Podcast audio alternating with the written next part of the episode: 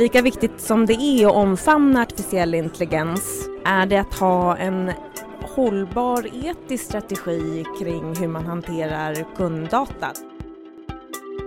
Genom att få bort fotogen och diesel så har vi fixat både det kortsiktiga och det långsiktiga problemet i liksom samma whack.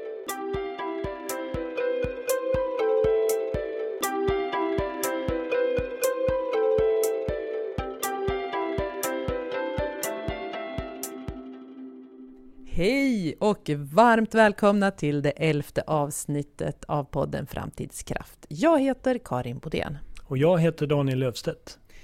Idag ska vi prata om artificiell intelligens som ju är central för digitaliseringen genom att den hanterar stora mängder data och då öppnas möjligheter inom jättemånga olika områden. Ja, också för energibranschen. En fascinerande utveckling på många sätt. Ja, det kan man faktiskt säga. Vi ska sätta fingret på hur etiken och den goda viljan spelar roll när AI-lösningar mm, blir en del utav företagets verksamhet. Mm. Och eh, vår första gäst idag är Anna Fellender.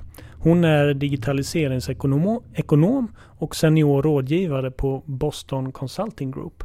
Hon menar att artificiell intelligens är den största drivkraften i dig digitaliseringen och kallar kunddata det nya guldet. Mm. Och så säger hon att det är jätteviktigt att företagen har en hållbar etisk kompass för hur man hanterar det här nya guldet. Artificiell intelligens är den största drivkraften i det här läget av digitaliseringen och lika viktigt som det är att omfamna artificiell intelligens det vill säga både med personifierade erbjudanden och att effektivisera värdekedjan är det att ha en hållbar etisk strategi kring hur man hanterar kunddata, det nya guldet som jag kallar det. Varför då? Därför att artificiell intelligens skiljer sig från andra datadrivna digitala incitament. Det skalar på ett annat sätt och blir autonomt, det vill säga väldigt svårt att styra och överskåda. Vi programmerar AI ofta mot produktivitet och vinst i olika delar av en organisation. Och eh, när vi förlorar kontroll så kan etiska värderingar dels hamna eh, i händerna på de som inte förstår konsekvenserna av det för hela organisationen. Och dels så gör artificiell intelligens eh, historiska fördomar eh, som spelar över på framtiden. Kan du konkretisera, exemplifiera? Mm. Mm. Eh, både industriföretag och tjänsteföretag behöver jobba med artificiell intelligens kopplat till etisk hållbarhet. Det här handlar om att det finns etiska negativa konsekvenser om man inte har överskådlighet och styrbarhet över artificiell eh, intelligens. Det vill säga att man behöver se över alla AI-baserade beslutsprocesser i organisationen. Jag brukar lista olika exempel på negativa konsekvenser, det vill säga att man använder för djup och för bred information och data om en kund. Man kan också ha alltför otränad AI som tar faktiskt fel och oetiska beslut. Man kan ha personer som programmerar AI som tar viktiga etiska beslut utan att förankra dem på den övergripande nivå i organisationen.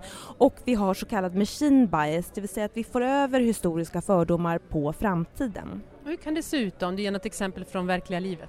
Ja, ett exempel är till exempel om du söker med, en, eh, med AI-stöd efter en chef och då ser vi att de chefsegenskaperna som har varit framgångsrika baseras ju på manliga normer och då får vi inte en rättvis bild av hur vi vill att dagens och framtidens samhälle ska se ut. På samma sätt som vissa domare har dömt fel. Eh, algoritmerna har varit bra och, och, och, datan har inte varit något fel på alls men vi för över de historiska fördomarna kring vilka som har mest sannolikhet att gå på, begå brott exempelvis. Mm. På vilken nivå i företaget måste man sätta de här strategierna?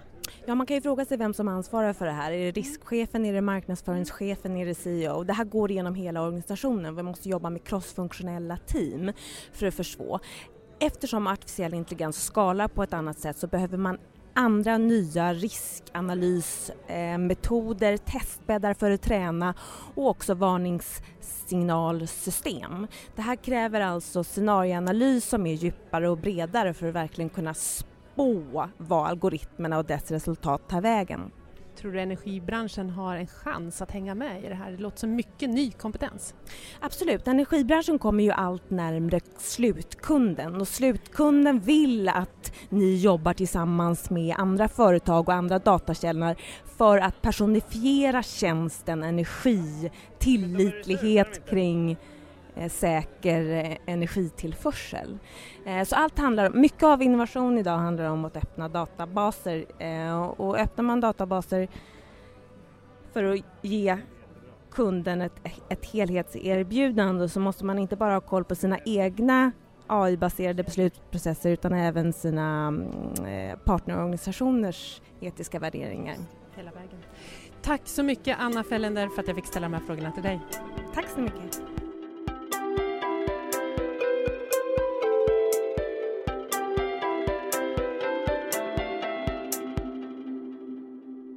Nästa person som vi ska möta idag är Sam Manaberi. Han är VD på ett företag som heter Trine. Och Trine, de har skapat en digital investeringsplattform som ger möjlighet att enkelt och med små medel investera i solenergi i Afrika. Trine rider idag på två tydliga trender. Mm. Det är digitaliseringen och att solceller har blivit billiga att framställa. För tio år sedan hade deras affärsmodell varit omöjlig. Så vi har en digital investeringsplattform eh, för alla som vill eh, investera i solenergi i Afrika för att de vill eh, både ha en väldigt stor påverkan på människors liv för att de vill ha en enorm hävstång på sin klimatinvestering men också för att de vill ha en avkastning på sitt investerade kapital. Varför behövs ni? För att vi har en miljard människor i världen som inte har tillgång till eh, energi. De flesta bor i Afrika och Indien. Eh, solel är redan billigare idag eh, än vad de använder som är fotogen och diesel och genom att finansiera solenergiinstallationen så kan de ha råd att köpa elen billigare än den här onda svartsots liksom, fotogenet som de har på bordet annars. Kan du, liksom, det, det, det, låter väldigt mycket, du säger en miljard. Alltså vad, vad handlar det om? Kan du måla upp någon bild? Vad är det? Ja, men låt oss göra det superkonkret för det är det som är så magiskt med det här. Att med digitalt så är det en miljard i det stora hela men samtidigt så är det bara, det är bara mängder av enskilda individer. Så det vi har gjort i dagsläget är att vi har finansierat någonstans runt 20 solenergiprojekt som eh, leder till att ungefär 194 000 människor får tillgång till el. Om vi bara zoomar in på en av de familjerna, när jag var själv nere i Kenya med Machakos, två, tre timmar öster om Nairobi där jag var för en och en halv månad sedan, så har du mormor Teresia. Mormor Teresia hon har eh, fyra, fem barn och en herrans massa barnbarn. Eh, och tidigare så betalade hon eh, 40-50% mer för fotogen och diesel än vad hon betalar för sin eh, solel idag. Och det fräckaste som hon nämnde, för det finns ju massa fördelar med att slippa fotogen. Eh, lungcancer är en fördel att slippa för barnbarnen och, och det är också en, en eh, fördel att kunna spara pengar. Men jag tycker det var extremt mäktigt och insiktsfullt av henne när hon sa det att eh, när jag var liten så var el inte, liksom, det var inte ens på kartan. När mina barn var små så var det en lyx. Mina barnbarn de förväntar sig el, precis som oss här i Sverige, som mina barn. Right? Och det betyder att när de inte får el så gnäller de. Det betyder att alla i samhället ser till att el finns och så utvecklas samhället hela tiden. Så där har vi ett väldigt konkret exempel på hur det hela funkar. Det låter som att du pratar med hjärtat här. Ja men vi har ju liksom ett fantastiskt team eh, där alla är så passionerade i bolaget. Så det blir nog väldigt, väldigt mycket hjärta. Och det, så ska det väl vara tror jag. Den här affärsmodellen som ni har, mm. Eh, är den alltså möjliggjord av digitaliseringen? Absolut, för tio år sedan så hade den varit eh, praktiskt taget omöjlig att göra. Så det är egentligen två megatrender. Det ena är att priset för solel har, har gått ner eh, där vi nu eh, till och med på generationsnivå konkurrerar eh, som bransch mot eh, gammal fossilt bränsle. Det ser man mycket i framförallt Indien och många öländer de senaste många åren. Eh, och den andra är digitalisering, att vi kan liksom erbjuda människor, vem som helst att vara med. Det här är inte en investeringsmöjlighet enbart för bara miljardärer och filantroper utan så länge man har minst 25 euro Mm. Om man vill investera för att rädda världen, eh, kunna tjäna, ha en förväntad avkastning på någonstans 5, 6, 7 procent per år i ett, två år så kan man vara med och det kan man göra på iPhonen eller på datorn väldigt, väldigt enkelt och det gick inte för. Men eh, alltså 25, 25 euro, 250 svenska ja. kronor. Mm, men, men alltså, eh, är det inte krångligt att ha så många investerare? Nej, det är fantastiskt. Eh, för att återigen, där, det är ju digitaliseringen som gör det. Så för oss är det ingen skillnad om en person går in med, eller om tusen personer går in med 25 euro eller om en person går in med 25 000 euro. Faktum är att det kan till och med vara mer krångligt med en 25 000 euro, men, men i vilket fall. Right? Att då ska skillnad. de vara med och bestämma? Nej, nej, inte alls så, men du vet, vi bor ändå i en värld av reglerade finansregler så när någon person vill komma in med herrans massa pengar då måste man göra massa background check och kolla och sådär men om någon ska komma in med 25 euro så är det som att köpa en, liksom en lunch. Mm. Så att nej, inte alls, tvärtom. Mer. Vad är din bild utav eh, den svenska energibranschen? Hmm, det var en bra fråga. Eh, jag tror att vi kan bidra med mycket värde. Jag tror att den svenska energibranschen har haft en väldigt privilegierad plats, att vi har så otroligt mycket vattenkraft som i det stora hela ändå är, är, är fantastiskt. Eh, och så mer av det, right? mer av allt, eh, extra allt. Eh, men jag tror att vi kan bidra med en hel del värde och, och, och liksom flytta eh, klimatdebatten eh, till en, en väldigt meningsfull global nivå direkt där du kan investera här för att på riktigt påverka det långsiktiga klimatet som är extremt viktigt.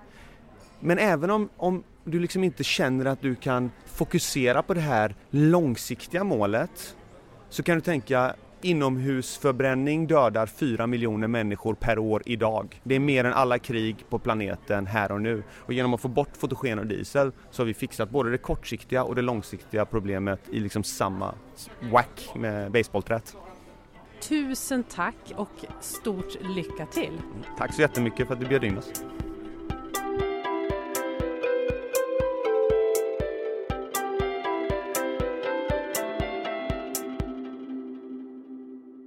Alltså man blir ju lycklig av att lyssna på Sam. Ja, verkligen. Vilka, vad de har tagit vara på mm. möjligheterna i digitaliseringen och ändå där i så ligger en gammal klassisk affärsmodell att man investerar pengar och hoppas att få avkastning. Mm.